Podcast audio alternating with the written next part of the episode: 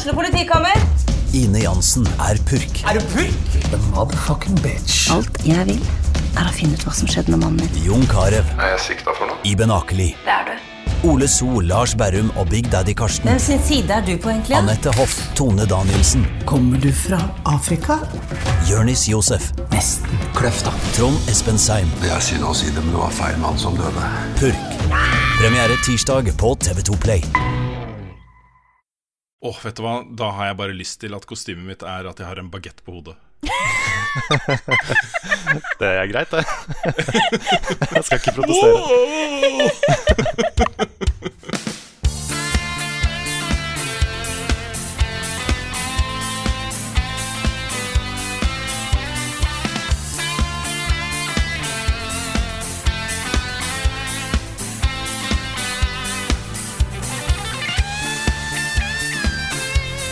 Hallo alle sammen og velkommen til en ny episode av podkasten Level Backup med meg, Frida Danmo, og med meg har jeg som vanlig Karl Martin Hogsnes og Rune Fjell Olsen. Hallo, folkens. Hallo. Hei, Frida. Hei, Carl. Hvordan har vi det i dag? Nei, det går bra. Ja, jeg er veldig veldig sliten. Jeg var bare på sånn dagstur til Bergen i går da sammen med vår nye bestevenn Espen eh, som fotograf. Og vi filma da både til denne eh, serien vi lager sammen med Sparebank1, men også eh, Vi fikk også tid til å besøke tre av de spennende selskapene som eh, lager spill der borte. Så det var en sånn hel dag hvor vi løp over hele byen. Og jeg vet ikke om dere fikk, fikk det med dere, men i går var det jo unntakstilstand i Bergen hvor et sånne vannrør hadde gått lekk under E39. da.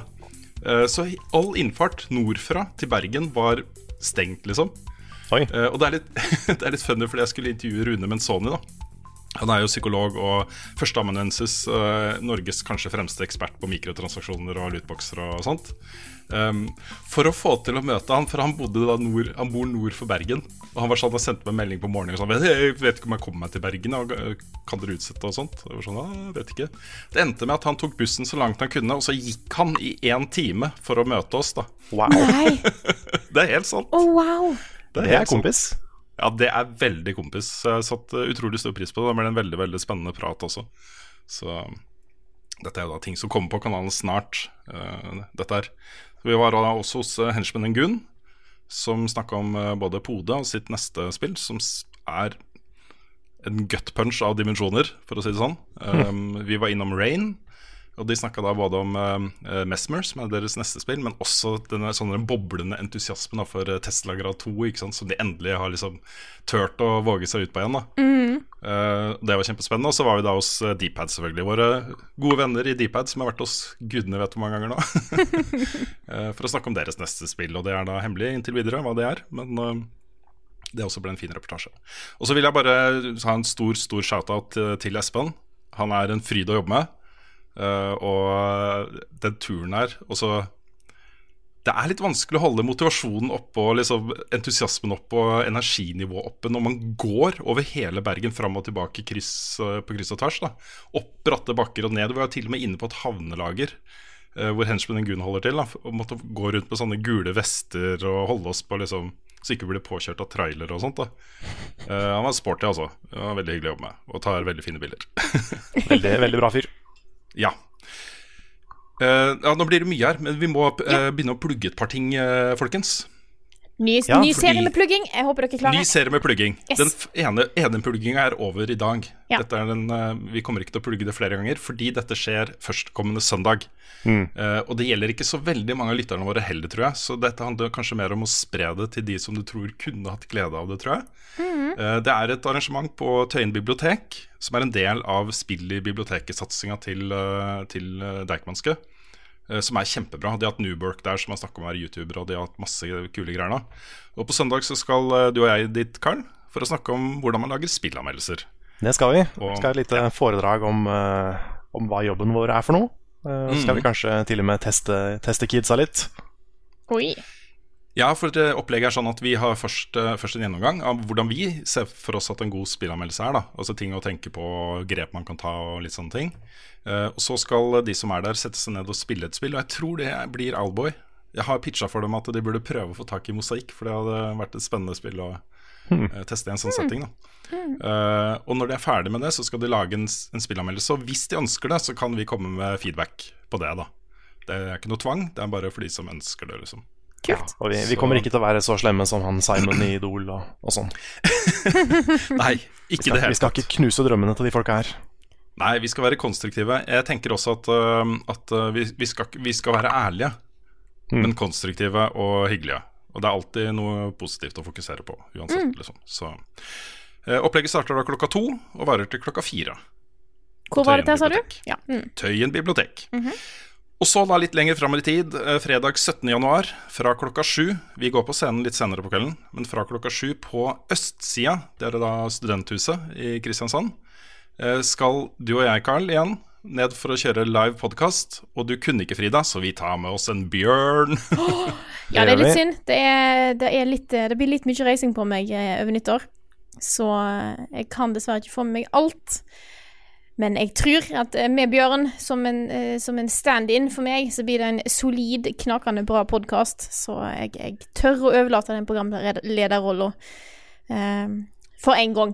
Den ene gangen. For den gangen. Ja, Ja, det- Bare, bare den ene gangen. Yes. Bare den gangen. Nei, det kommer til å bli gøy. Vi skal jobbe litt med å prøve å utvikle liksom live-podkasten nå litt også. Eh, at det blir kanskje noe litt annet da enn det vi gjør når vi sitter hjemme i vår egen stue. Men uh, det er, litt- vi får se. Vi prøver å finne på noe gøy.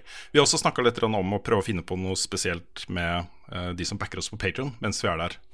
Uh, og et hot tip der er jo at forrige gang vi var i Kristiansand og hadde liveshow, så knakk jeg tanna mi på et dritbra pizzasted i byen. Ja. For dit, Så jeg fikk jo ikke dit har jeg veldig lyst til å dra tilbake. Altså. ikke sant? For jeg fikk jo ikke nytt den pizzaen. Den var jo så god, ikke sant? Den var dritgod. Det var sånn der fancy sånn eh, Hva heter, heter den ovnen de hadde der? En sånn steinovn, tenker jeg. Ja, det var sånn svær, rund. Ja, ja. Ah. Steinar. Mm. Det er- heter bare det. Ja. Ja, Jeg tror det bare heter det. Kanskje ikke noen fancy navn på det. Nei, så, øh, så det blir sikkert et eller annet der også. Det kommer til å bli kjempegøy. Jeg vil også bare nevne at øh, arrangementet har 18-årsgrense, men du kan komme inn med verge øh, hvis du er mellom 13 og 18. Og da er det også sånn at vergen heller ikke får lov til å drikke alkohol, bare så det er nevnt. Mhm. Det var egentlig det. Det ligger et arrangement på Facebook med litt mer informasjon. Bare søk på um, Level Backup Live og Østsida, så får dere opp uh, det eventet. Blir bra. Gleder meg veldig. Kristiansand The Return. Hva har du spilt? Spilt i det siste?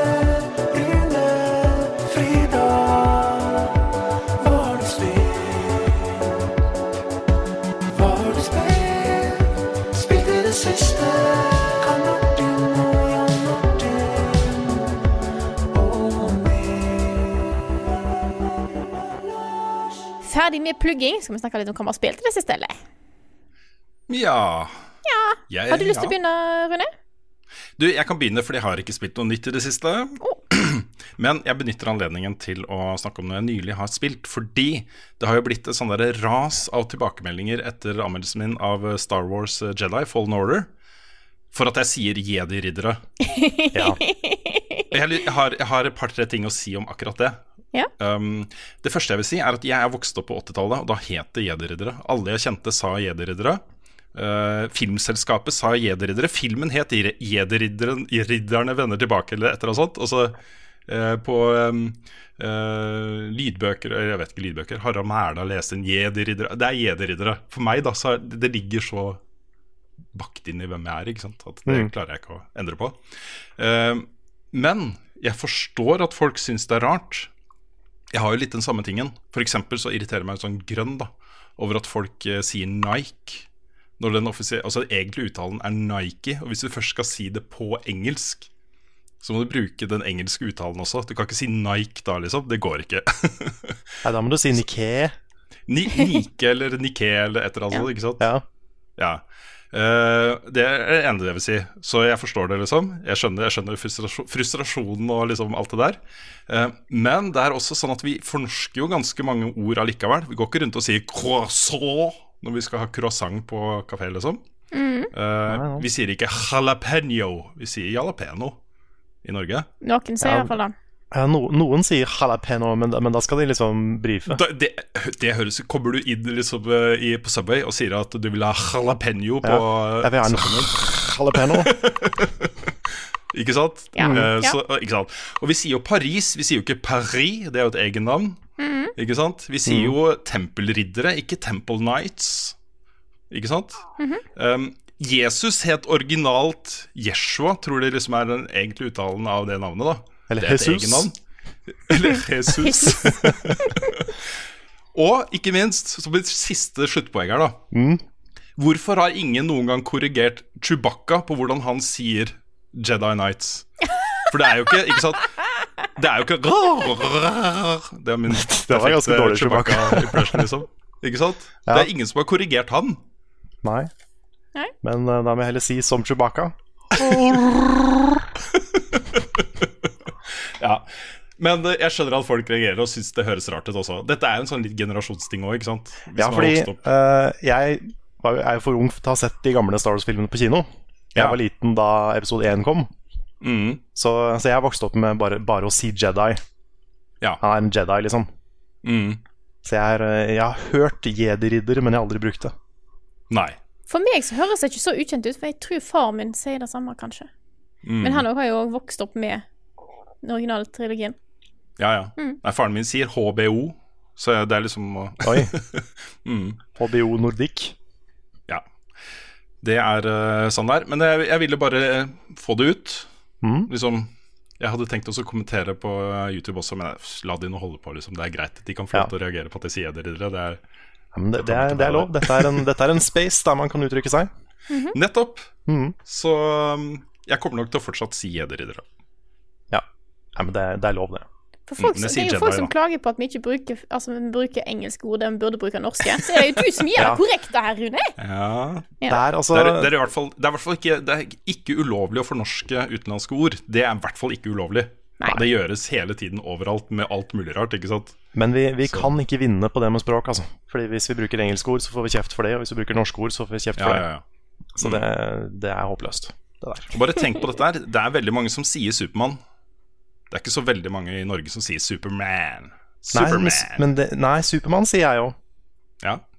Det er det samme, Carl. Ja, men det er så Teknisk sett det samme. Mm. Ja, men det hadde vært uh, annerledes hvis det var liksom Supermann-ridderen.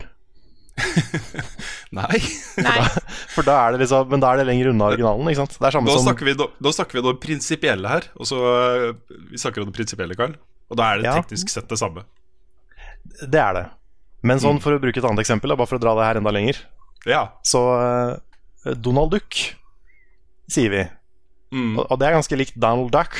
ja. Men det er fordi at den norske men av det langbein er litt rart å si. Og jeg, jeg sier det, men jeg føler meg samtidig litt rar som sier det, fordi det har ingenting med Goofy å gjøre. Det er en rar oversettelse til norsk. Men sier du Mickey Mouse? Nei. Nei. Men det er også veldig likt. Så det er sånn, Jo lenger unna det er, jo rarere blir det for meg. ja, ja. Vi sier jo Pluto også, vi sier ikke Pluto. Nei, men det er liksom det er samme navnet, bare, Ja. bare norsk uttalelse. Jedi? Jedi. Ja, men Jedi, er- Jedi Rider. Ja, men, Men du har jo ikke sagt det, er- Jedi det er Knight. jo Jedi Knight. Jedi er jedi, Knight er ridder. Det er Ja, det vet jeg. direkte norsk fornorsking av det uttrykket. Ja, men jeg sier aldri Jedi Knights. Det er det. Jeg Nei, sier bare Jeg- Jedi. men, vi er tilbake til det her. Ja, jeg skjønner at det høres rart ut, men Mm. det er teknisk sett ikke feil, da. Syns Nei, det er, jeg. ikke, det er ikke feil. Det er ikke, det er ikke feil. Jeg tror også Hvis du spør Språkrådet Vet du hva det skal jeg pinadø prøve for å gjøre? Jeg skal Ja prøve å ringe dem og Ja. gjøre et opptak. Eller kanskje besøke dem og Ja. spørre om min uttale Jedi-ridder er feil inn på norsk. Så der, det starter videoen med sånn der sint rett i kamera. Nå skal dere høre! ja! Nå har jeg noe fra Språkrådet her! Yes. Nei da, men jeg reagerer såpass mye på språk sjøl, så um, Mm. bare be my guest. Kjør på, liksom. Det er helt greit. Ja, Eller vær min gjest, som det heter på norsk. Ja, vær min gjest, vær Mm. min gjest. Så da er det du har spilt i det siste? Du, jeg har bare flydd rundt og lagd video Ja, det eh, hele uka. Ja. Ja. Men, eh, men jeg kan jo ta over, for jeg har, jeg har spilt Jedridder fallende Ordre. ja. Og um, Det er ikke ordre? sånn Nei. Ord, orden. Jedi-ordenen. Orden, ordenen. jeg, har spilt, eh, jeg har spilt det. Ikke kommet kjempelangt, men jeg har um, spilt uh, starten. Tok uh, planet nummer tre på stream i går. Mm. Så jeg er nå ferdig med Er det Kashik den heter? Ja. Mm. Den planeten hvor du skal uh, ut, og, ut og redde litt uh, Wookies. Og jeg, jeg liker det veldig godt. Jeg er veldig enig med det du sa i anmeldelsen, Rune. Mm. Egentlig veldig enig i at både alt er spillmekanisk, sånn presentasjonsmessig, alt er veldig bra. Mm. Men jeg har samtidig litt den der følelsen av at Litt som å se en veldig bra Netflix-serie som du merker at er laga av Netflix-algoritmen. På en måte. Ja. Mm. Litt den derre Jeg liker det, men det er fordi dette er en person som bare har analysert hva den tror jeg vil ha.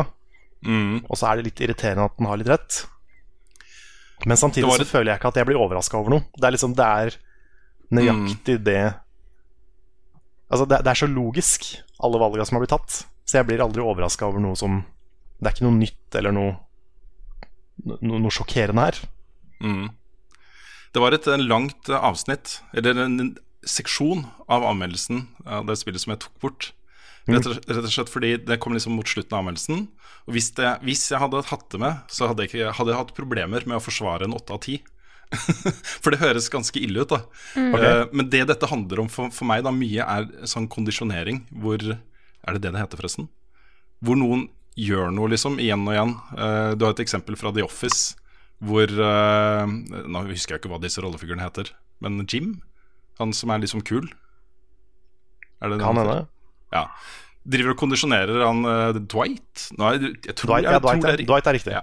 Ja. Eh, kondisjonerer han over tid, ikke sant? Hver gang det kommer en eller annen lyd fra PC-en, så gir han en, eh, en eh, pastill eller et eller annet, ikke sant? Mm.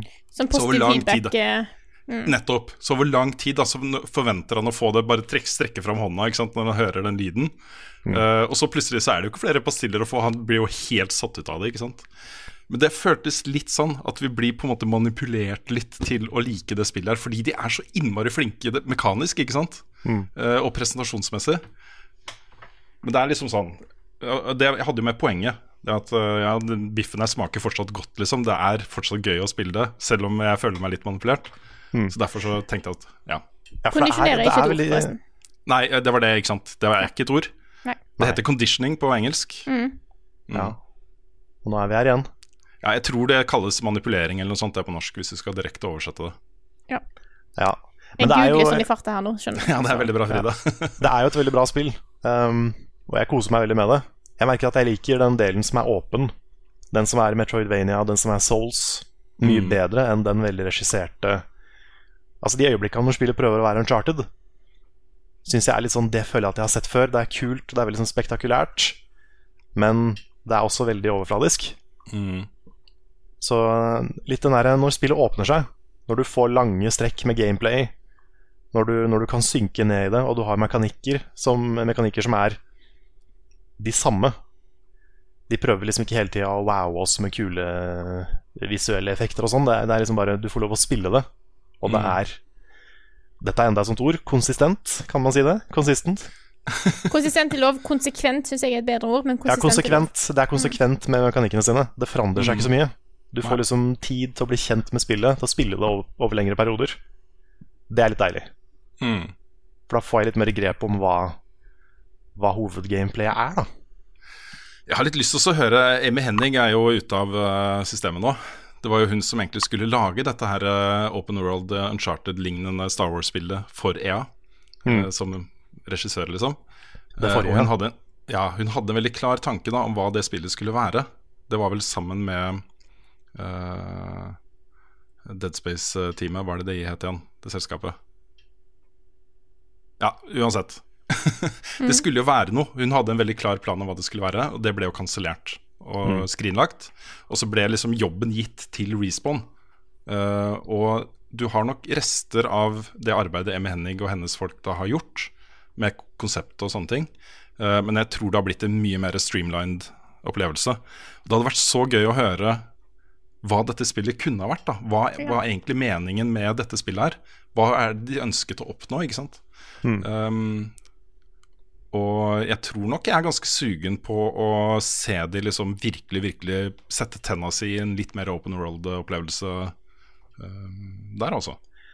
Ja, og bare, bare ta mer sjanser med Star Wars. Jeg skjønner at det sikkert er dritvanskelig med Disney-lisensen og sånne ting, men eh, Men det føles litt som episode 7. At det er, liksom, det er veldig Star Wars, det er veldig safe. Mm. hele veien. Og EA trengte jo sikkert et safe spill nå, etter, oh, ja. etter alle problemene de har hatt med, med spillene sine. Men Mm. um, Nei, altså, det, det, er, det, er liksom, det er kjipt å høre så negativt ut, for det er et veldig bra spill, og jeg koser meg med det. Men, uh, men det er noe som liksom bare Det føles litt anonymt. Og det er litt sånn trist at Star Wars føles anonymt. Men her ser, du, her ser du hele mitt problem med å lage den anmeldelsen, Carl. Fordi det er liksom sånn, ja, det føles litt anonymt, og det er litt forutsigbart, og det er litt glatt, og alle de tingene der. Men jeez, jeg har det gøy. liksom er det skikkelig Ja, gøy det når jeg spiller det det. er dritgøy. I hvert fall som sagt når det blir et Metroidvania Souls-type spill. Da er det jo konge. Jeg satte innmari pris på å reise tilbake til den huben, altså den første der hvor du hadde det starten på spillet, liksom. Ikke starten på spillet, for det er jo et helt annet sted. Men eh, det dit du kommer, da, etter at du flykter, liksom. For der kan du vende tilbake, og der dukker opp nye fiender der, og du, kan, du har fått nye powers som gjør at du kan få tilgang til nye områder og sånne ting. Det syns jeg var kanskje min favorittdel av spillet, da.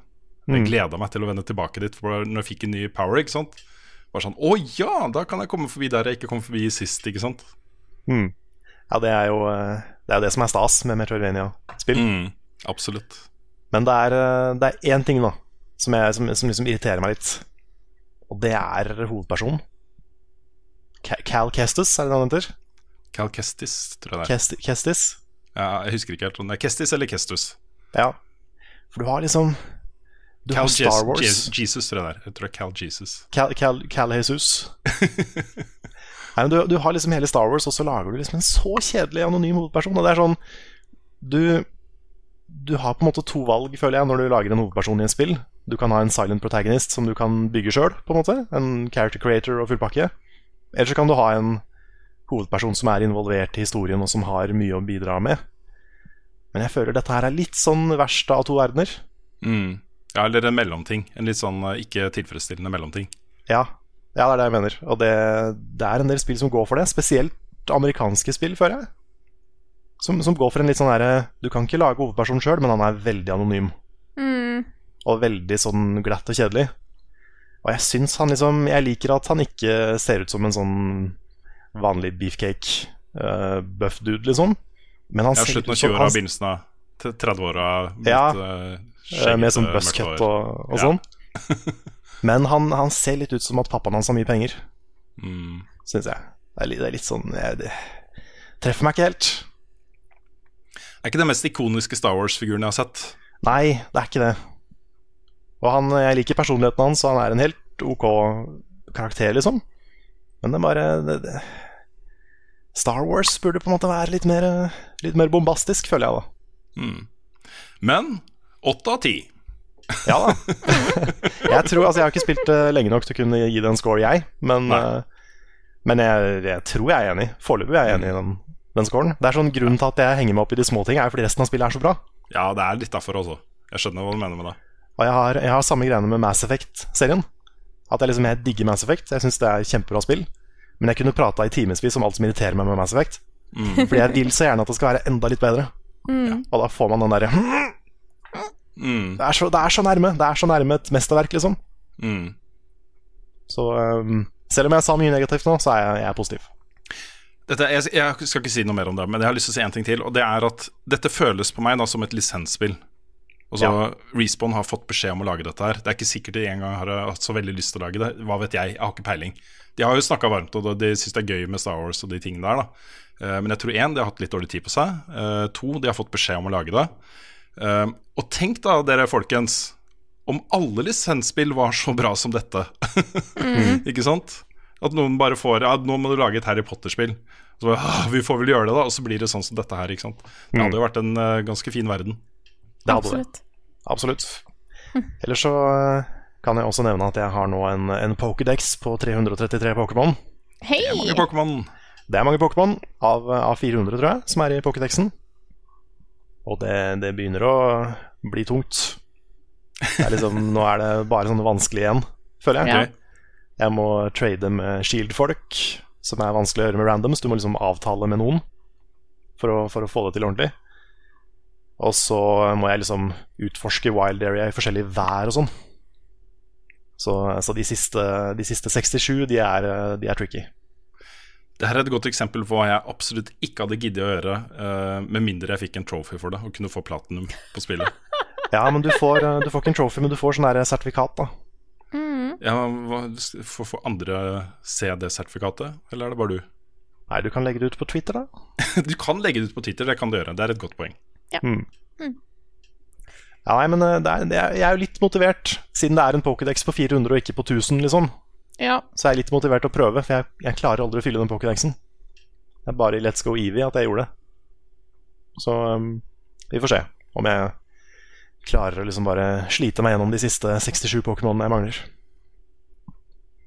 Men det er meg. Jeg kan jo fortsette.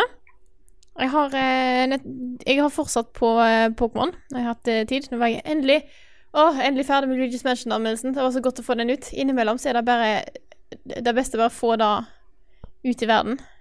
Den ble veldig fin, Frida. Og jeg, også Sure-Frida, det må jo bli en greie, tenker jeg da. Ja.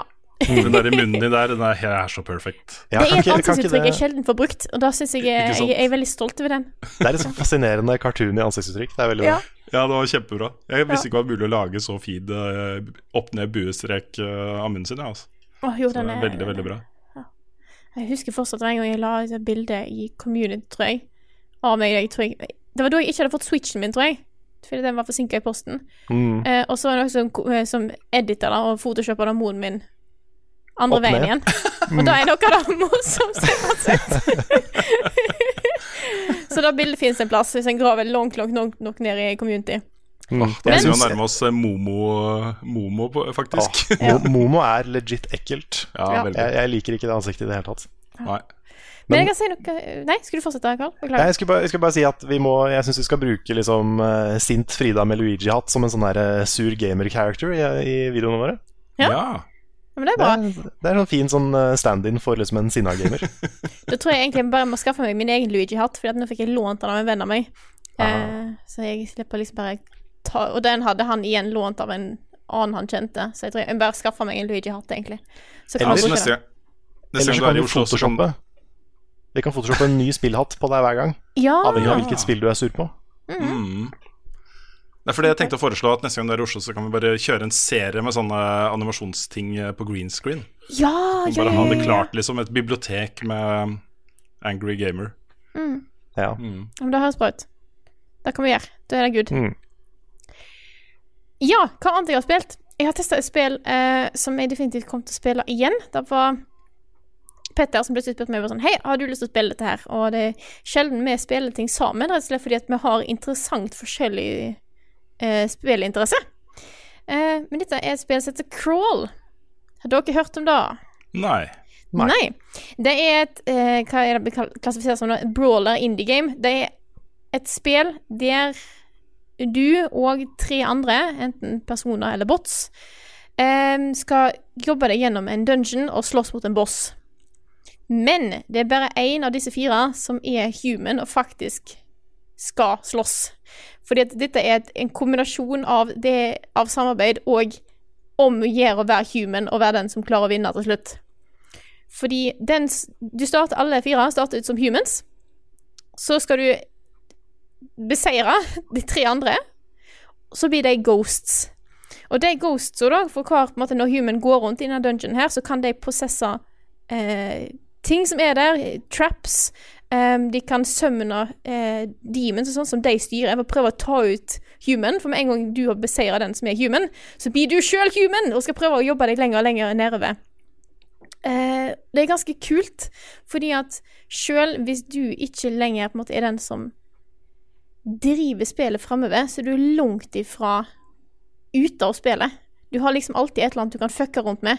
Enten så kan du lage en liten slime som du skal stå og liksom bare hoppe på en der, eh, den som er menneskelig, eller så kan du på en måte være en katapult, eller sånne, sånne ting.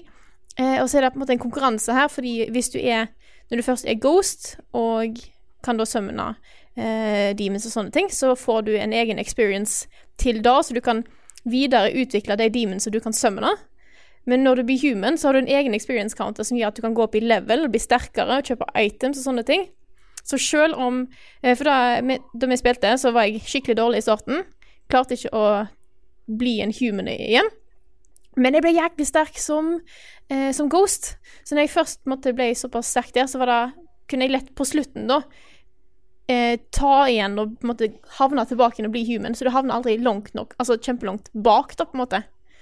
Så det var en eh, kul liten ting. Og da er det siste bossen, selvfølgelig, i hver i den dungeonen, for det er på en måte Et game er fra du starter alle fire humans, til du har tatt, sist, tatt den bossen på det nivået, så restarter det. Eh, men den siste bossen er det jo da selvfølgelig de tre som ikke er human, som styrer. Så, du, på en måte, så, det, så det er liksom alltid kompetitivt hele veien. Ah, det høres veldig veldig gøy ut, dette her, Frida. Det Det er er det.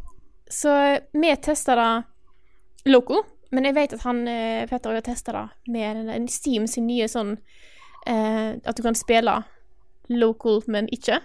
Ja, ja, den er ute av beta, den nå, så den er mm. fritt tilgjengelig for alle. Mm, så den funket veldig bra. Så Crawl da, det anbefales. Veldig gøy. Veldig enkelt å sette seg inn i. Enk vi spilte bare ett game, og jeg følte jeg på en måte hadde skjønt litt hvordan det funka. Så eh, det var pre pretty cool. Jeg tror det har vært ute en stund, så det er det er ikke noe helt nytt. Jeg ser lanseringsdato er 2014, så jeg er langt, langt bak her, men uh, kult spill. Det er det viktigste.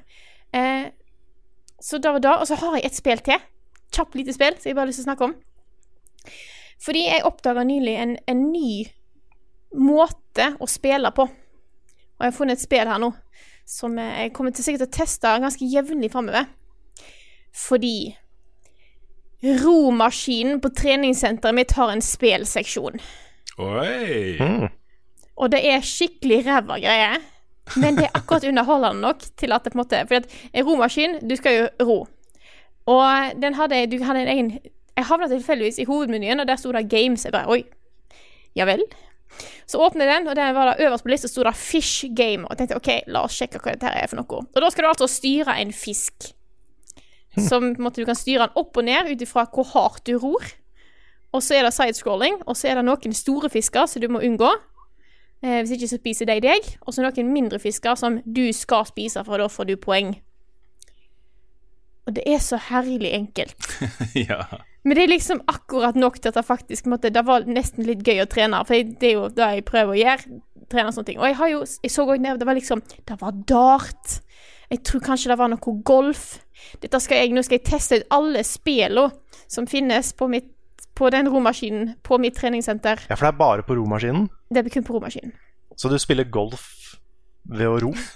Ja, jeg er spent på den. Men jeg er spent, det er spesielt eh, spent på den dart-greiene. Jeg klarer ikke helt å skjønne det. Så jeg er spent på å se hvordan de får til dette her. Det, Kanskje du skal styre pila i lufta, liksom, at du får litt sånn slow motion ja. Et eller annet. Vet er altså, graf, altså Vi snakker resolution som er lik sånn en Nokia gammel Litt som 3310, eller hva de heter. Ja, det er sånn, ja. Ja, det er såpass. Hmm. Så det Så, det, så, så i år så har vi fått både Untitled Goose Game og Fish Game. Ja, det Ja. er fint. Det er en trend der, altså. Åh, vet du hva, jeg, jeg ser for meg Jeg har et tips da til de som har lagd disse spillene, hvis dere hører på. Bare en mode hvor du skal bare ro ut på havet. Det kan være litt sånn brått sjø og sånt. da At det er mye bølger og sånt. Og så bare blaster det på repeat den derre Ro, ro til fiskeskjær-låta. Ro, ro til Ja, fiskeskjær Litt sånn som de der fisker reinsdyra på julemarkedet nede på Nationaltheatret. At det bare Ja. blaster utover hele treningssenteret. Yes. Det, det, det er gøy.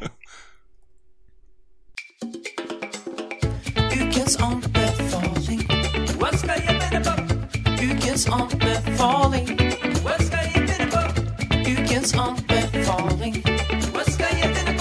Ukens anbefaling.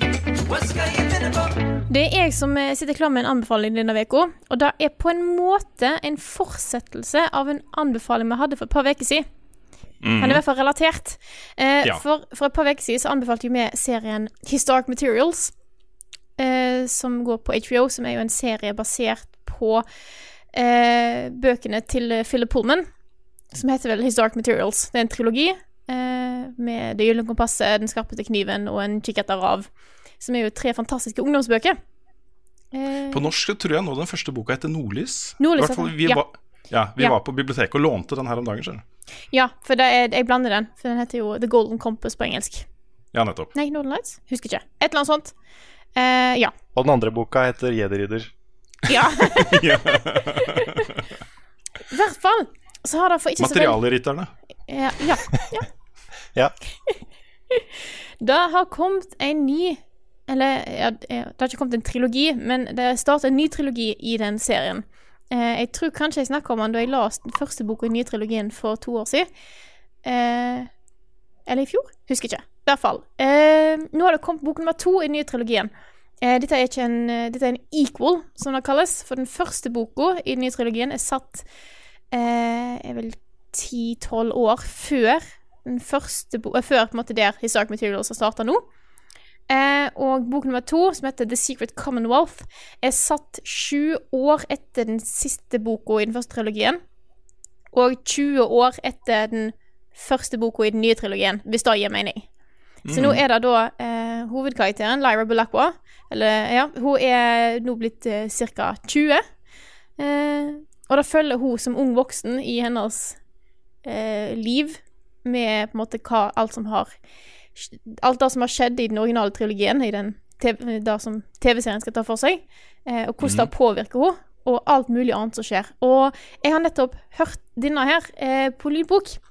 Eh, det er veldig lett for meg å høre på lydbøker og podkast mens jeg er på jobb og står på lab og sånne ting, så det er lettere for meg enn å faktisk sette meg ned og lese ei bok. Eh, så da har jeg gjort det. For jeg, jeg ble litt litt gira igjen på, den, eh, på det universet når, når serien har begynt igjen. Og så hadde jeg helt Den er glemt så bra, altså. Den er så bra!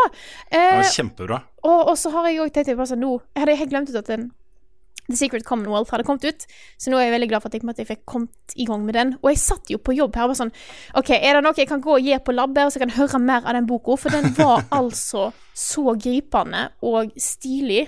Eh, så jeg ble, jeg ble helt bergtatt av den boka, for den er altså så bra. Den er eh, Han Philip Pullman har også sagt at den nye trilogien skal være litt mørkere.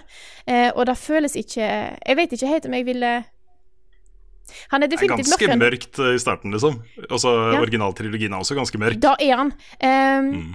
den, altså den første boken i trilogien, La Belle Sauvage, den tar for seg litt mer uh, hele dette konseptet rundt dust, som er litt sånn um, ufattelig, på en måte. Det blir ikke så mye forklart i den originaltrilogien. Her går de mer inn på det. Jeg vet at de har et på, et tidspunkt der de snakker litt om kvantemekanikk, liksom. Det var sånn Shit, dette er kult, dette kan jeg. Eh, så det var litt sånn stilig. Um, men i hvert fall den boka her nå, siden dette tar for seg Lara, som er eh, 20, mye voksnere, så er det litt voksnere tema òg. Som jeg syns er litt gøy, for nå har jeg på en måte Jeg las de første bøkene da jeg var litt yngre, og nå har jeg blitt litt voksnere, og det samme har Lyra og boka. Eh, så den, den har noe ganske uh, Altså, de har noen tøffe scener i denne boka her òg, det er det i originaltrilogien òg, men den er fantastisk god bok. Hvis du i det hele tatt har blitt litt uh, fascinert av av kanskje sett TV-serien, så vil jeg anbefale deg å lese den originale trilogien, og definitivt begynne på den nye nå. Ehm, hvis du har lest den trilogien tidligere, så begynn på den nye. Det er skikkelig, skikkelig bra. Det er ikke bare noen sånn attpåklatt-bøker som har blitt laget bare for laga. Dette er helt klart nye historier som han Philip Pullman har lyst til å gå mer inn på. Uh, som ikke bare er sånn sidespor, for det er satt både før og etter den originale serien. Så Kan jeg komme med en litt sånn sjokkerende avsløring? Ja. Jeg har jo da som sagt lånt første bok uh, på norsk. Og begynt å lese den for uh, ungene. Jeg kaller hovedpersonen for Lyra.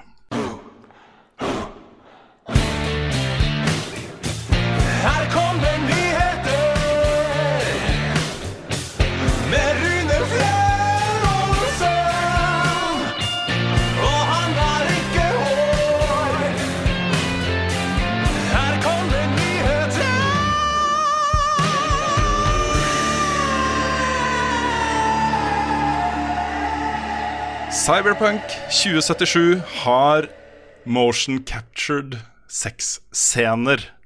Motion Wow. captured sexscener. Men da er spørsmålet er det ekte sex. Er det ekte sex? Sannsynligvis er det ikke det, for det er sikkert litt regler rundt. Ja, det er, det er jo en sånn nyhet som gjør meg litt glad, da, fordi de har jo liksom sagt igjen og igjen og igjen at de lager en mature opplevelse, ikke sant? Voks, et voksenspill med voksne temaer og sånne ting. Og vi har snakka om det en del før. Sex er jo et litt sånn tabutema i spill, fordi det er så sjukt vanskelig å få til uten at det blir bare komisk, ikke sant? Hashtag David Cage. Ja. Ja, du har jo den eh, Vi, snakker jo, vi nevner jo alltid den legendariske Ja, ja, ja, ja. sexscenen i Heavy Rain. Hvor du må Mm. trykke på L1 og R2 og sånn for å unhooke en BH, og du må Og så ligger de på gulvet når senga er rett ved siden av, og det er veldig mye morsomt. Mm. Det er litt sånn, altså det blir jo ekstra interessant uh, kanskje med tanke på at dette er førsteperson uh, synsvinkel. Ja, det er sant. Så um, jeg, jeg tror det kan være mulig å få til noe som er litt sånn pyrr nå, kanskje. Ja, det blir i så fall kanskje mulig. første gang. Ja, Ja. Det, det hadde blitt første gang. Fordi det er rart å se spillfigurer ha seg. Mm. Da Ja, det er det, veldig være rart. Fordi jeg føler liksom Assassin's Creed Unity, tror jeg det var, fikk til kyssing. Det er første gang jeg har følt at liksom et spill har fått til klining. Mm. Men jeg har aldri sett et spill få til liksom sex. Bortsett fra sånn The Sims. Mm. Ja, Hvis det, hvis det fader til black, så er det om det går. Ja. Du har en klinescene i traileren til uh, The Last of Us Part 2 som også Den, ser veldig, den sånn er veldig ekte bra. og fin Den er veldig bra. Mm. Men min lille kjepphest med akkurat dette her er jo rett og slett at jeg tror liksom ikke spillmediet kan bli ordentlig voksent før de fikser sex. Fordi dette er en ting som alle voksne mennesker er opptatt av på e- et eller annet nivå. Da, ikke sant? Det er en del av livene til folk. Og hvis det er et sånn der urørbart tema i spill for voksne, så er det litt sånn infantilt, da, føler jeg. Mm. Så mm. Derfor så blir jeg glad for sånne ting. Dette er eh, selvfølgelig I en skitten eh, cyberpunk-verden selvfølgelig har de folka seg. ikke sant? Det er, alt annet ville vært rart. Ja. Men jeg føler det er jo, det er jo spill som, som har sex, sånn som Mass Effect, da. Mm. Men uh, problemet er ofte det at det blir så sånn mekanisk. Ja, ikke sant. Sånn, eh, altså Ikke bare animasjoner, men sånn som det at du må bare si de riktige tinga til en karakter gjennom hele spillet, så får du sex. Mm. Så måte. får du sex. Og det er, det, det er litt for enkelt, og det er litt for sånn Det blir også ganske infantilt, da. Mm. Ja, I The Sims Så- er det jo ordnings. Ja, Ja. ja, sant det. Ja. Så det, det jeg, liksom, jeg håper de har en tilnærming til det som Som ikke er veldig sånn Hva er ordet jeg ser etter? Ikke barnslig, men, men litt sånn At sex bare er liksom et, et, et, på et victory-resultat, da. Ja, det er liksom bare en sånn win state. Ja. Ja. Nei, fordi dette, dette handler jo i veldig veldig stor grad om, eh, om eh, hvor troverdige spillrollefigurer kan og bør og skal være. eh, og hvor stor innvirkning de, de kan ha på oss da, som spiller dette spillet. ikke sant? Hvilken impact det har. Og dette er en, en ny fasett da, av en rollefigur som kan bli ganske viktig. Så I'm all for it. Jeg syns dette er kjempebra. Jeg vil også nevne Dette her eh, kommer ut da i en sånn Q&A som eh, CD Projekt Red hadde på sine egne kontorer. eh, hvor det også da kom fram at, at spillet kommer til å være kortere enn The Witcher 3. Men at gjenspillverdien vil være mye mye høyere. nå At det vil være liksom mange gode grunner til å spille dette spillet flere ganger. Yes, Lansering der er da fortsatt 16. april neste år. Jeg tror ikke før jeg får se det, men eh, det er det de har sagt. Eh, noen kjappe nyheter. Eh, The Stanley Parable Ultra Deluxe, Deluxe Edition er utsatt til neste år. Og eh, med neste år spesifiserer de nærmere 'Probably before summer'. Yes. Ja. Så, er dere, så dere den videoen hvor de kunne gjøre det? Nei. Nei? Den er veldig morsom. Den er verdt å se. Ja, ja. Det er fortelleren som, som leser fanmail, Ah. som, som trygger det om å få, få utsatt spillet. Oh, ja, det er herlig. Det er veldig, det er veldig bra. Ja, kjempebra. Uh, hvis du er en av de som eier Mad of Medan, det er i hvert fall en tredel av redaksjonen her som gjør det. Mhm. Kanskje to tredeler, for jeg tror jeg også har en kopi. Som Ja. jeg fikk kode til. Ja. Det kan. Eh, de kan nå da invitere en kompis til å spille gratis. Hvilket annet spill var det nylig som gjorde det? Hvor du, spillet kom, og så kunne du Jo, var det ikke The A Way Out? Var det ikke det Jo, som, Way Out, ja. Mm. Stemmer. Um, så hvis du har det, så kan du bare invite a friend. Ja, og det er kult. og så da blir det uke, skal vi lage en ny spalte nå, liksom? Ukens eh, Google Stadia Kaktus. Eller noe sånt. Skal vi gjøre det? Ja. Eh, det er jo bare to uker eh, siden lansering. Og på Google Stadia så er det sånn at hvis du er Stadia Pro-abonnent, og det koster rundt 10 dollar i måneden, så får du jo noen spill gratis med abonnementet. Hvis du ikke er Pro-abonnent, så får du jo, må du kjøpe alle spillene uh, til den prisen du har. Nå er det da lagt i to nye spill eh, til Pro-abonnentene, og de spillene var jo til salgs i de første to ukene etter lansering. Så det er folk som har kjøpt de spillene, og så da en til to uker etterpå så blir det gratis. Oi, Vær så og da er ikke folk happy! Nei, det er, det er en del sånne ting som er liksom sånne der oppstartsproblemer eller sånn barnesykdommer. Jeg vet ikke helt hva du skal kalle det da. Fordi uh, Ja, dette er det er, liksom det er tydelig at det er Google sin første konsollsatsing, på en måte. Ikke sant? Det er noe der, altså.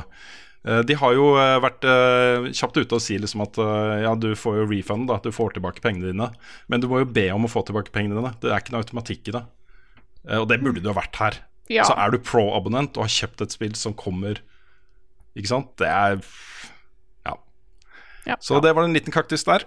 Um, det har vært en artig sak som jeg må ta bare presentere med en klype salt, fordi det kommer fra da Det er oversatt fra kinesisk, fra et eh, kinesisk uh, medie. Um, jeg vet aldri helt om dette egentlig er sant eller ikke. Det er liksom Ja, men det er skrevet da i en kinesisk avis, så får vi ta det som det er. Det er et uh, online uh, rollespill der som heter Justice Online, hvor Og det er flere ting med dette her som er, eh, er crazy. Det er da en person som hadde brukt 13 millioner kroner 13 millioner kroner på å geare opp sin spillfigur. Altså med eksklusiv stæsj, liksom. En tar 13 millioner kroner. Og historien er da sånn at han hadde lånt bort den karakteren til en kompis, som skulle da, etter at han var ferdig med å bruke den, selge den tilbake til eieren, men hadde isteden lagt den ut på det åpne spillemarkedet for 5000 kroner.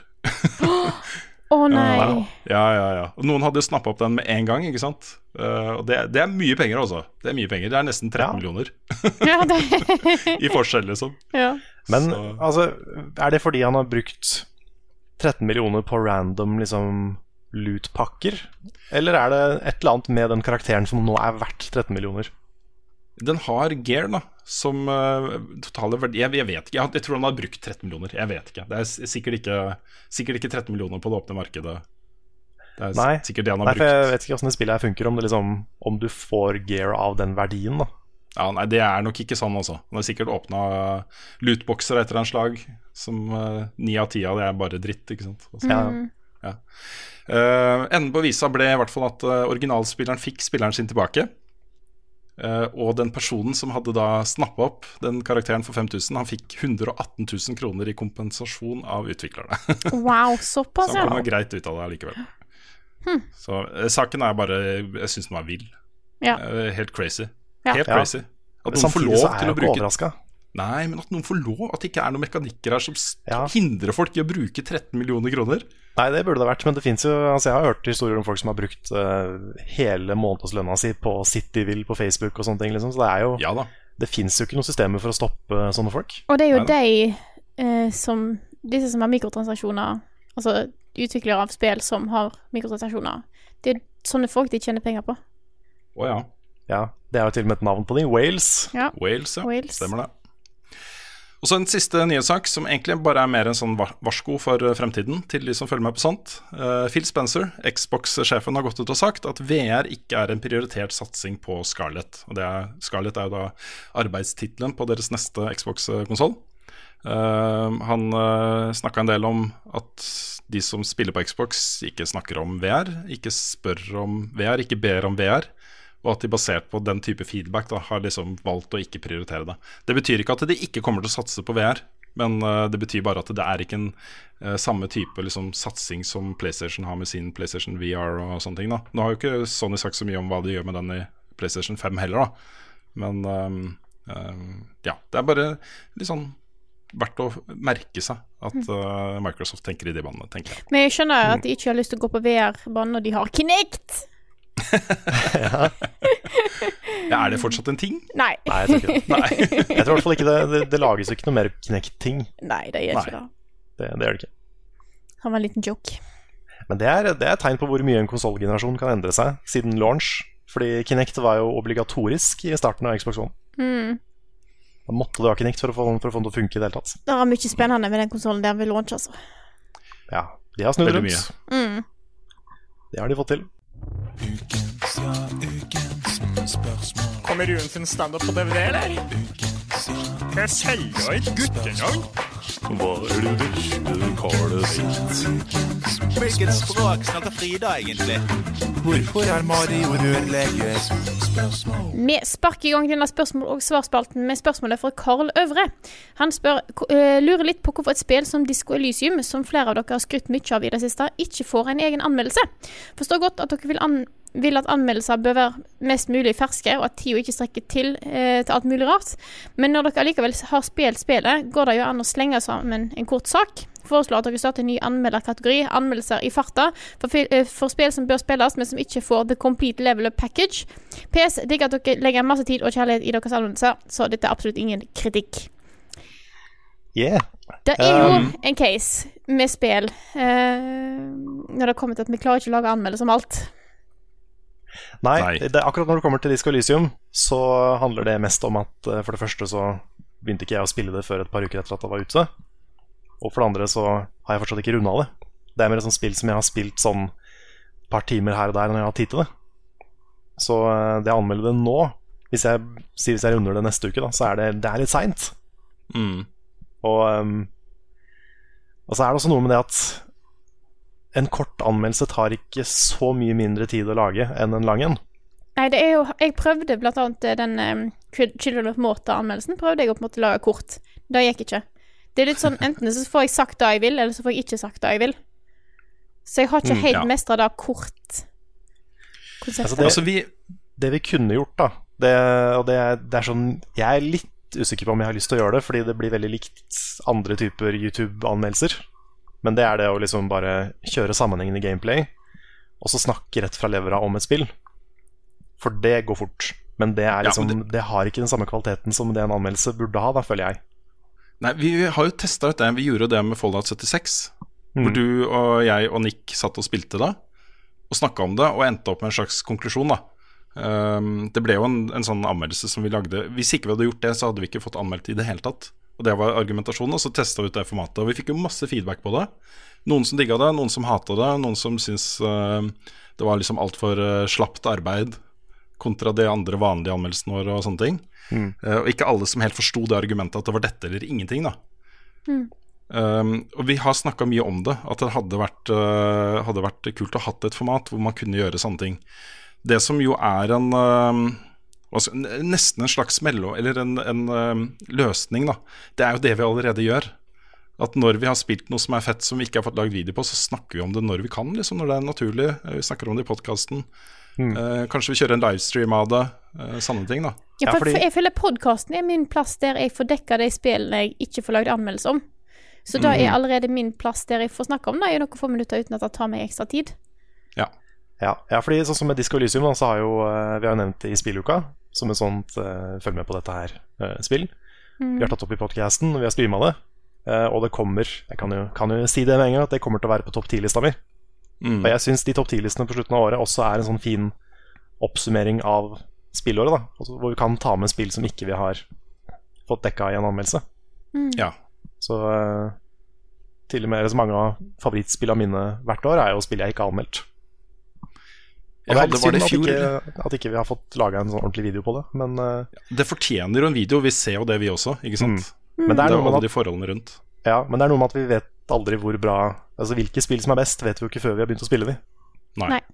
Så det er, eh, det er vanskelig å på en måte gjøre de prioriteringene før man spiller et spill. Mm. Jeg tror det var i fjor, eller nei, det må ha vært i forfjor, da, hvor jeg hadde både Hollow Night og um, Steamworld Dig 2 på min topp 10-liste. Og det var to spill jeg ikke anmeldte. Men det, hvor jeg da hadde spilt da i ukene fram mot jul, ikke sant? Eh, for å uh, vurdere de opp mot en eh, toppliste. Ja. Anmeldte aldri Undertale, eller? Nei, sant? Wow. Men det har vi i hvert fall dekka etterpå. Ja, det har vi dekka etterpå. Det Det har vi dekka sikkert Ja. og visst.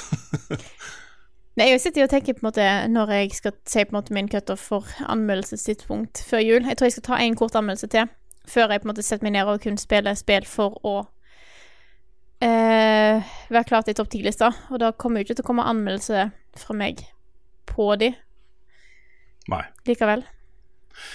Det er jo, vi er, jeg syns vi kan gå litt over i et annet spørsmål som jeg har holdt ut uh, her uh, også uh, straks. Mm -hmm. Men dette her handler jo litt om Dette handler jo om penger. Og om økonomi, om stab og sånne ting. Og det er mange av de hullene som vi har hvert eneste år, kunne vi ha tetta med flere anmeldere. uten tvil. Og det, det å bare ha noen vi kunne uh, kontakte, da, hvor uh, det dukker plutselig opp fra left field et spill som Disco Elysium, som vi har kanskje vært for dårlige til å følge med på i forkant, og ikke helt fått med oss hvor bra det kunne bli, da. eh, og hatt det på kalenderen vår.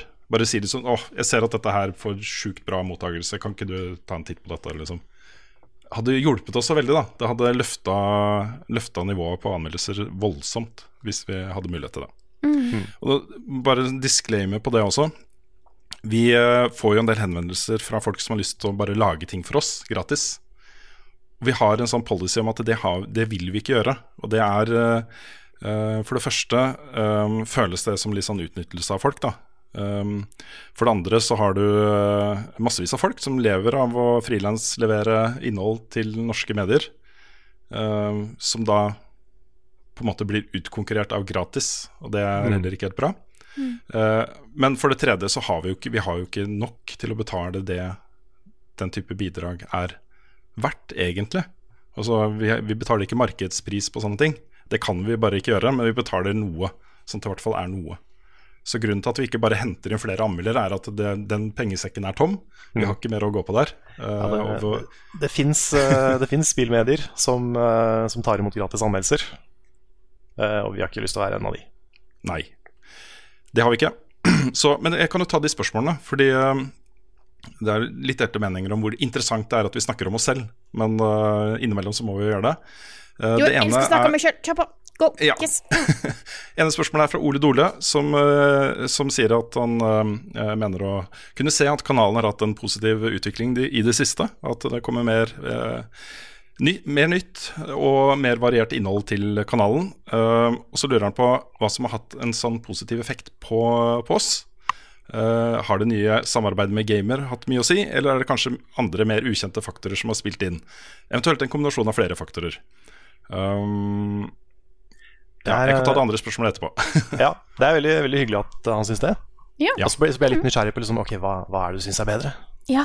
Fordi, Nei, men vi fordi- har jo men jeg- faktisk jeg Ja, for jeg Ja. vil tippe det er kanskje de tinga der. Da, at vi har vært Ja. ute og laga reportasjer, og vi har liksom laga litt sånne tullevideoer sammen. Vi har hatt Nick i Oslo, vi har sånne ting. Og det har jo vært dritgøy, og det blir jo veldig fine videoer av det. Ja. Så eh, det er jo blant annet en effekt av at vi sitter mer sammen på et kontor og jobber med Good Game og kan liksom, vi kan samles på et sted og bare gå ut og lage noe. Ja, og det har, jo, det har, jo, eh, har vi jo gjort i en rekke videoer nå. Hvor uh, jeg har hatt en idé til en liten sketsj til en anmeldelse, og så har vi bare satt oss på kontoret til Harald Strømme og filma det, liksom. Du har hatt en idé, og så kan vi bare møtes i trappa eller på do ikke sant, og gjøre det. Uh, og det er, det er en veldig konkret effekt uh, av at vi sitter sammen Møtes på på samme sted. Møtes på do. Ja. Så, så det er kjempebra, og det har jo stått øverst på ønskelista vår lenge. Bare et, et skikkelig felles kontor, hvor vi har eh, PC-er det går an å jobbe på. Eh, og hvor eh, vi sitter samla og kan drodle ideer og spille litt ball, liksom. Mm. Bare gjøre ting. Mm. Så det er kjempebra. Um, det er Vi har liksom ikke merka så mye av øk økonomiske effekten av det ennå. Fordi eh, vi får jo kontorplassen gratis. Vi fikk PC-ene fra Komplett. Uh, og de uh, ekstra pengene som har kommet inn, handler mer om å bare dekke et, et lite sort hull som har ligget der. uh, Tenk den negative ja. i munnen. Ja. Eh, men da kan jeg ta spørsmålet fra Leo Heggran uh, som en uh, attpåklatt her. Uh, vi ser at spillmediet vokser i Norge. Om noen år så er det høyst sannsynlig at det kommer til å være mer penger i e-sport og spilldekning. Ikke helt sikker på om jeg er enig i analysen, men eh, vi kan jo håpe det, håpe det i hvert fall. Eh, si at dere får en sponsor som gir dere et større budsjett. Hva blir da deres første nye prosjekt? Og Det er ikke nødvendigvis, det trenger ikke å være en sponsor, det kan være en avtale med Good Game, det kan være andre ting, liksom. Eh, da har vi en ønskeliste som, eh, som kommer til å prioriteres eh, først. Prosjekt Nick. Eh, Prosjekt Nick er, eh, er nok øverst der. Uh, få inn Nick, om ikke på heltid, så i hvert fall nesten på heltid. Eller også sitte med han også, tenk deg da. Mm.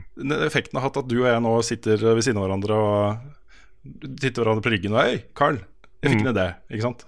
Ja. Uh, hvis du får Nick inn i den miksen også Ja, sant. Det, det, det åpner veldig mange dører for oss. mm, Og så er det noe med det at eh, bare det å ha Nick nærmere At han ikke trenger å reise helt fra Kongsvinger hver gang han skal være med på noe. Ja. Det at han har penger til å liksom kunne flytte nærmere byen til å være med på ting, mm, det hadde vært kjempebra. Og eh, utenom det, da, så er det jo generelt mer penger for å kunne gi Mm. folk litt mer av det de fortjener for, for jobben de gjør. Ja. Og um, kanskje også et kontor hvor vi ikke trenger å sitte uh, åpent med mange andre. Ja, og det er, en, det er av rent sånn logistiske grunner så hadde det hjulpet oss voldsomt. At vi hadde eh, sluppet å bekymre oss for at når vi liksom setter på rekk, og stemmene våre går opp et par eh, desibel, og lysene kommer på og sånne ting, liksom, Mm. så er det utrolig forstyrrende når man sitter i et landskap for de andre, og det vet vi, og det påvirker oss, ikke sant. Ja, og så er det Jeg viste jo, eh, jeg viste jo Rune en eh, tabbefilm fra Noscope på kontoret mens de hadde drev og snakka om et eller annet greier. Og Rune bare satt gjennom hele sånn i fem minutter og bare lo høyt på kontoret. Ja, ja, ja. Og Erling som står med høylytte samtaler på telefonen med Ja, ja. sinte kunder. Og det er liksom det, Ja, det hadde hjulpet oss da å ha et, noe som var studio slash kontor, ikke sant. Ja, for det er den andre tingen. Studio. Ja, absolutt. Så eh, det er masse sånne greier. da Vi har, det har, vi har mange både konkrete og diffuse planer på hva vi har lyst til å gjøre her, men veldig mange av de er eh, avhengig av penger. Mer penger. Og Det er det, bare sånn realiteten er. på en måte Jeg jeg føler jo at vi gjør så godt vi kan da med de midlene vi har. Eh, og det at vi har deg, Frida, og Nick på laget så mye som vi har, og ikke minst, nevne det igjen, fått inn Espen, som jeg føler allerede har blitt en ganske viktig, eh, et viktig nytt hjul på vogna vår, liksom. Eh, Det gir deres, deres eh, Dere har så mye mer muligheter til å dekke ting. Ja, ja, ja, at, det er eh, helt fantastisk. Mm, For det da har vi noen på, på kamera, gir at du tar et steg opp fra bare på en måte en enmannsproduksjon, altså. Mm. Mm. Ja, så, sånn som f.eks. den turen jeg var, til- var på til Bergen nå. Uh, vanligvis så ville jeg da hatt med meg mitt uh, prosumer handicam og et stativ eh, som jeg ville satt opp. Eh, satse på at eh, utsnittet av alt er greit nok. Eh, og så ville jo det, det ville vært det hele utsnittet. Og jeg har lagd utrolig mange sånne reportasjer. Mm. Hvor jeg er og besøker noen, eh, filmer et eller annet, sitter med stat det greiene på stativ. eh, og så klipper inn bare gameplay fra spillene vi snakker om, eller et eller annet. liksom det blir mye mer levende og flott hvis du kan ha med fotograf som tenker bilder og, og sånne ting. da Mm. Det er vanskelig å gjøre begge deler. Så det har løfta oss. Og så mm, gjerne, litt mer, gjerne en litt mer anstendig lønn. ja, Det hadde, hadde heller ikke gjort noe. Nei. Mm. Men uh, uansett, da. Jeg føler, jeg føler virkelig at vi uh, gjør så godt vi kan med de ressursene vi har. Vi har tatt mange runder på om vi bør gjøre mer av det og mindre av det. Uh, mye av det har hatt konkrete utslag ved at vi har gjort mer av det og mindre av det, f.eks. Uh, men nå er situasjonen sånn at vi har uh, nyhetsmagasinet hver tirsdag, livestream hver onsdag, podkasten hver fredag, uh, Let's Play-serier i helgene. Og så mange anmeldelser og reportasjer og andre ting vi rekker å lage. Det er på en måte Det er grunnstammen vår, og jeg tror ikke vi skal gjøre så mye med den før vi kan gjøre det. Mm. Så, men jeg er også enig. da jeg, jeg føler også vi har hatt en positiv utvikling i høst. Det har vært ålreit å jobbe sammen. Eh, Det er gøy å jobbe med gamer. Det åpner en del sånne kommersielle muligheter som, eh, som vi ikke hadde før. Ja, og som vi trenger. Og som vi trenger. Så eh, føler vi er inne på en god utvikling altså. Det er en, har vært en fin høst. Det får et par andre ting også som ikke vi kan- Ja, ikke sant. Ja. Det òg. Og så skjer det et par andre ting også som vi ikke kan snakke om ennå, men det kan vi snakke om veldig snart. Kanskje allerede neste uke. Såpass, ja. Så ja. Bare til å glede seg til det dukker opp, folkens. Mhm. Skal vi ta et spørsmål til, eller? Ja, vi kan gjerne ta flere, for min del. Mhm. Eh, jeg har et her fra Jakob. Han skriver P3 Gaming har hatt sin siste sending. NRK sier at de skal fortsette med satsingen på gaming, men må dreie litt på kursen. Hvordan tenker dere at mediekjempen NRK bør dekke spill? Og dette er jo P3 Gaming har jo vært fokus på Twitch og YouTube-content, tror jeg. Mm. Hvis det stemmer. Mm. Ja, det har jo vært delt på nrk.no også, men Ja. det har jo vært en, en Twitch-kanal, Ja. mer eller mindre. Det er litt kinkig å snakke om det, fordi um, det er opptil flere av oss som, har, som søkte på den prosjektlederstillingen. som skulle liksom finne ut hva, dette, hva P3 Gaming skulle være, da. Um, Ja. Stemmer det. Ja. Jeg var jo på et intervju der hvor jeg fortalte dem hva, hvordan jeg syns det burde være. Uh, og det mener jeg fortsatt. Og det er vanskelig, også nesten umulig å gjøre det de jo faktisk gjorde. Det å lage bare no, en, nok en Twitch-kanal med en, nok en Twitch-streamer som sitter og um, har det gøy mens han spiller, og slenger ut uh, kommentarer, liksom. Mm. Det, er nest, det er nesten umulig, og det er kanskje til og med vanskeligere hvis du er et stort, etablert mediehus å gjøre, fordi du har et sånn stigma knytta til det i tillegg, ikke sant? Ja, det er noe En med ting, en ting er å prøve å liksom lage nye store Twitch-stjerner, men når et mediehus som NRK skal dekke ting, så har jeg personlig mer lyst på litt mer eh, journalistikk Mm. rundt det. Mm. En sånn type det- dekning. Ja, jeg tror det er det du undervurderer her. Fordi eh, NRK har en utrolig høy standing på TV-produksjon og journalistikk. Altså De er nesten uangripelige på eh, etikk og den biten av journalistikken. Eh, og de lager høykvalitets overskuddsprosjekter i all, til alle aldre, på en måte. Også da NRK Super, Det er noen av de produks produksjonene på NRK Super som er så kvalitet, og som er lagd liksom internt med egne ressurser. De har henta inn liksom eh, folk fra huset, så kjente NRK-profiler, som koser seg i hjel med å få være med på et eh, barne- og ungdomsprogram. ikke sant? Um, og det er, De har et flott sånn green screen-studio eh, til sendingene sine osv. Har gjort en skikkelig god produksjon av det.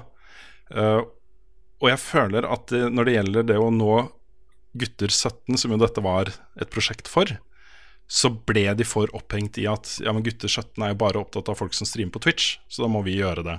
Men det er ikke sant. Ok, Du når kanskje ikke alle gutter 17 ved å lage et litt mer kvalitets-NRK-produkt, da med liksom ordentlig satsing i ryggen. Eh, men du når ganske mange av de, og så når du i tillegg jenter 15 og menn 35. Og alle de, altså vår målgruppe, da, basically. egentlig. Kvinne 25 og alt, liksom. Ikke sant? Ja. Ja, fordi uh, det er ikke sånn at eh, alle gutter 17, 17 er helt uinteressert i kvalitet. Eller også i et NRK-produkt, ikke sant? Ja, en liten, en liten shade. Gutt 16, kvalitet. Gutt 17, eh, da det er ikke kvalitet. helt. Gutt 18, da begynner vi å snakke kvalitet igjen. Men gutt 17, nei. Der er det Ja. eh, ja. Nå skal, jeg må jeg legge til at jeg, av det jeg har sett av Peter og Game Jeg har ikke sett alt av det, liksom. For, jeg er jo ikke gutt 17, så jeg var jo ikke i målgruppen for det produktet her. Nei. Uh, har jo vært bra, liksom. Altså, de har jo hatt godt produserte Twitch-streamere og sånne ting. Det Da er- tviler jeg ikke på, i det hele tatt. Så det, når jeg sier kvalitet, så mener jeg at, at ting er litt mer gjennomarbeida. At du bruker hele det arsenalet som NRK har da, til å lage kvalitets-TV. Og det er jo folk på lønn, ikke sant. Fotografer og klippere og øh, folk som lager grafikk og alt mulig rart, sitter og jobber på NRK allerede. Eh, og det å allokere krefter til å være med på en sånn satsing burde være mulig, tenker jeg da. Og jeg tror da dette blir en sånn analyse som er uh, bare fra, helt fra utsiden. Betrakter NRK, uh, basert på hva jeg har hørt rundt omkring. NRK er bygd opp av mange små kongeriker, hvor det sitter mange små konger og dronninger som har ansvaret for sine områder. Og det å samarbeide på tvers av de kongerikene er veldig vanskelig, har jeg, har jeg hørt. da At uh, man blir litt beskyttende for sitt område. Man tenker at ting skal være laget spesifikt for dette eller for dette eller for dette. Uh, det sitter kanskje noen i Trondheim eller i uh, hvor ja, Jeg vet ikke hvor de har alle kontorene sine. Som veld, har veldig eierskap til noe, og som ikke vil at noen i Oslo skal sitte og gjøre det samme. Eller ta over, eller sånne ting. da jeg tenker at her må toppen bare si at vet du hva, nå skal vi lage en, en uh, spillredaksjon som skal dekke spill godt for hele NRK. Og så skal de kanskje ha noen som gjør det, og noen som gjør det, og noen som gjør det. Men at det skal ha en, en, en eh, stab i bunn som skjønner hvordan dette skal gjøres, og som fòrer resten av NRK med bra innhold. Da. Det mener jeg NRK burde gjort. Mm. Mm. Og det, jeg blir litt engasjert nå, fordi jeg mener at hvis NRK hadde gjort det, så hadde det betydd utrolig mye for spilldekninga i Norge. Hvis Ja. de hadde tatt tak og gjort en kvalitetssatsing på spill, kunne det blitt så sjukt bra. Det kunne blitt så bra, altså. Så det er derfor jeg blir litt gira av det, og engasjert. da Ja. Og så og så vet jeg ikke om jeg vil at det skal være mulig å bygge en YouTuber for en stor medieaktør. Altså sånn, Youtubere er jo kjennetegna av at de er basically vanlige folk som har begynt å satse på noe de brenner for. Mm. Personlighetene er så viktig. Ja, personligheter. Det er derfor youtubere funker. Veldig ofte. Mm. Så det å bygge en YouTuber fra en liksom medieaktør, da, som nå mange har prøvd seg på Jeg vet ikke om det funker, jeg vet ikke om jeg har lyst til at det skal funke heller. Nei. Det har jo eh, del, altså, eh, Det man må gjøre nå, er å hente noen som allerede er en YouTuber. Og som har en following og er ganske store. Og de har hatt stor suksess med FlippKlipp på NRK. Det er et bra konsept, liksom, som, eh, med flinke folk som vet hva de holder på med, og de har blænsja ut og begynt å gjøre litt andre ting, og sånne ting, men det er fokus på spill fortsatt. Da.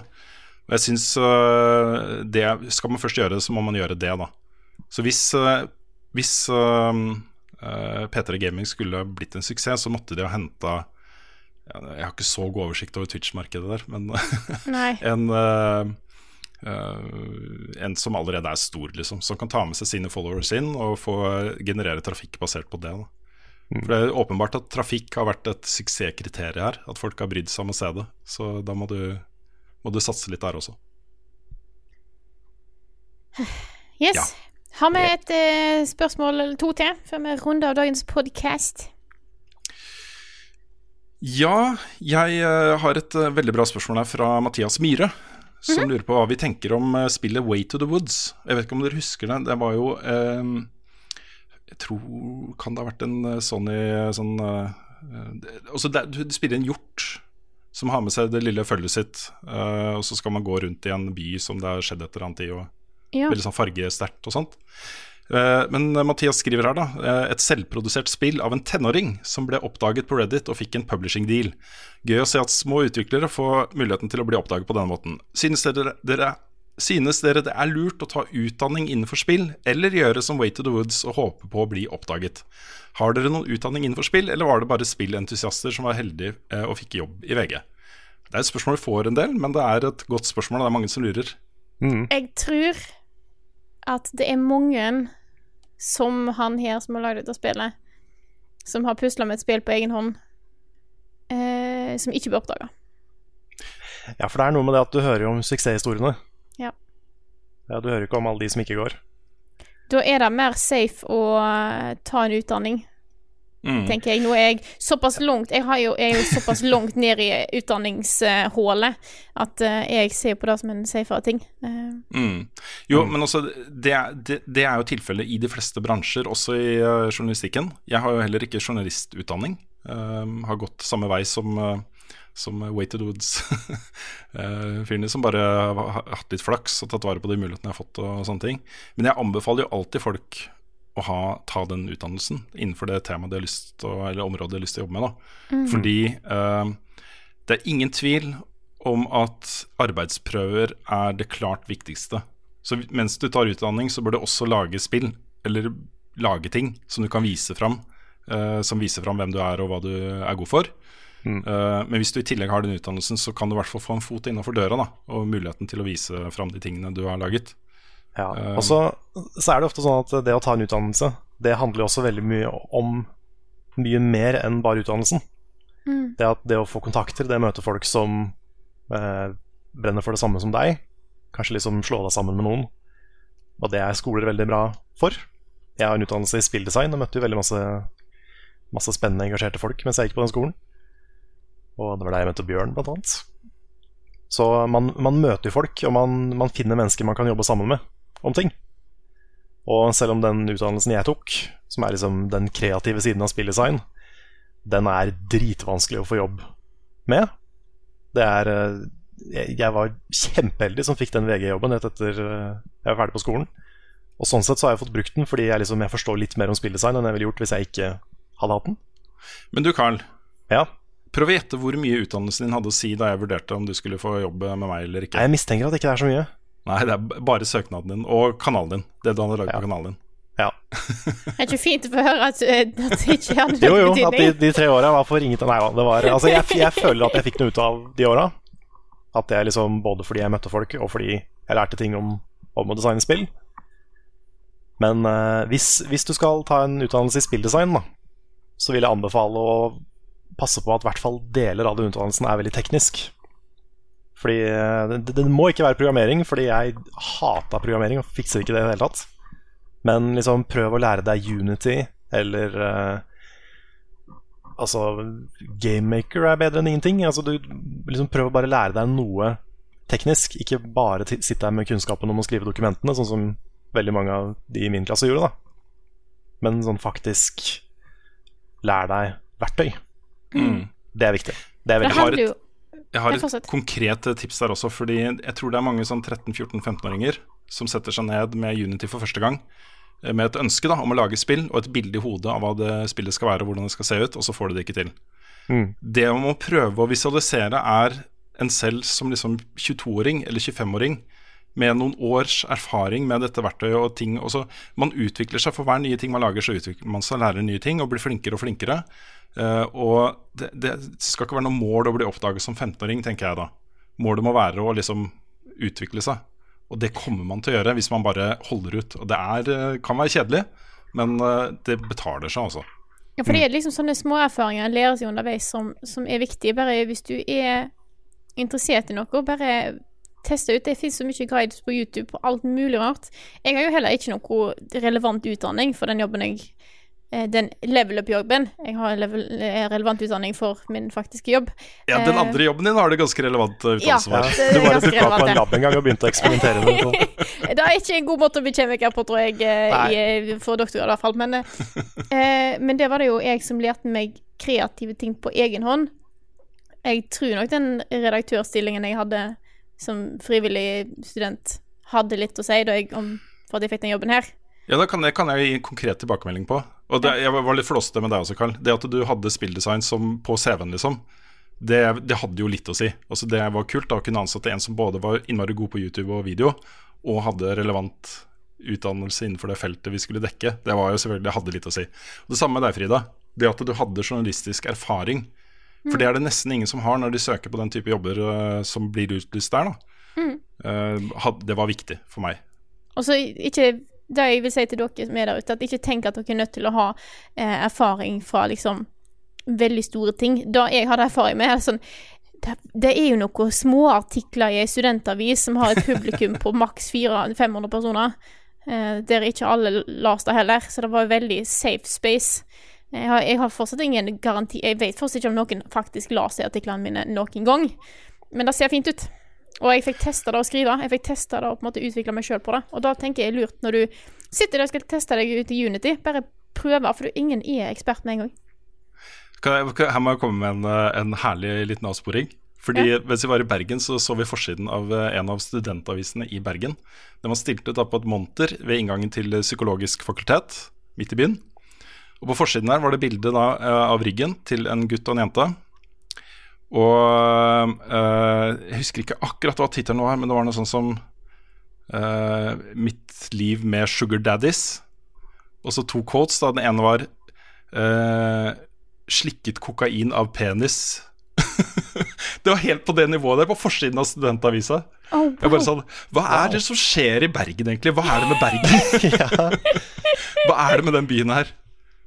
Jeg, jeg, jeg tipper det er en av de større studentavisene. Vi har jo f.eks. Under dusken i Trondheim, som er ganske store og har en del kule artikler og sånt. Eh, Men det, var en, det er en fantastisk sak, da. Det er en Ja, utrolig bra sak. Ja. Det var bare Ja, så rart å se det liksom klistra ut så grafisk på Ja, forsiden. det er sånn, sånn det er i. Bergen. Ja, ja, ja. 100 meter fra pepperkakebyen.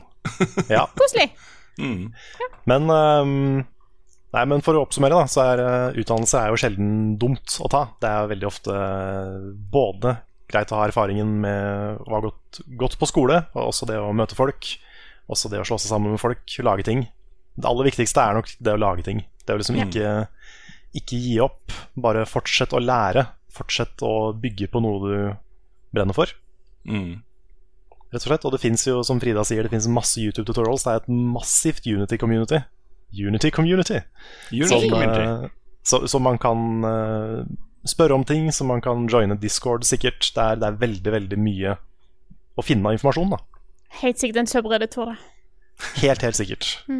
Og det er, eh, det er så mye informasjon å finne, så det er bare å, bare å ta det steget ut og, og begynne. Yes.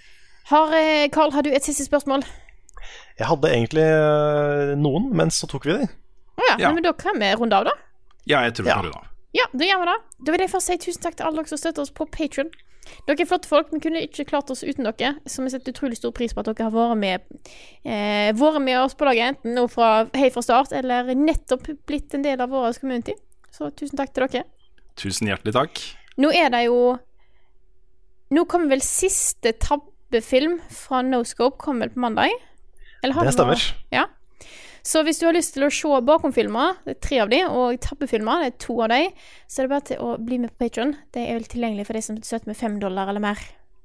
Det stemmer. Og det er ganske mye bakomfilm. Det er jo, Yes. De tre episodene er jo en halvtime lange nesten hver.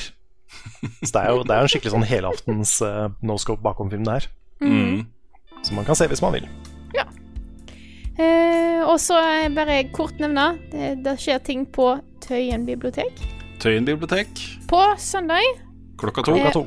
Og Kristiansand 17. januar. Klokka sju. Ja. På østsida. Ja. Da Ja, det er vel egentlig det. Da vil si Ja. tusen takk for oss. Takk for at du har hørt på denne episoden her av Level Backup, og så snakkes vi igjen neste uke.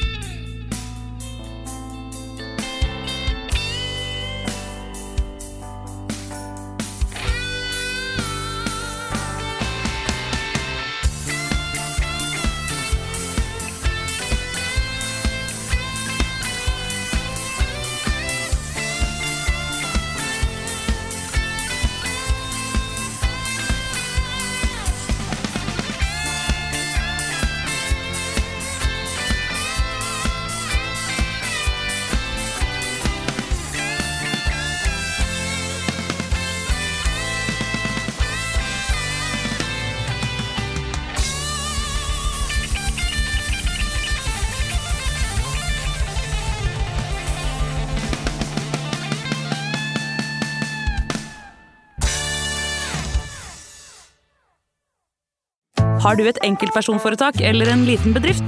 Da er du sikkert lei av å høre meg snakke om hvor enkelt det er med kvitteringer og bilag i fiken, så vi eh, gir oss her, vi.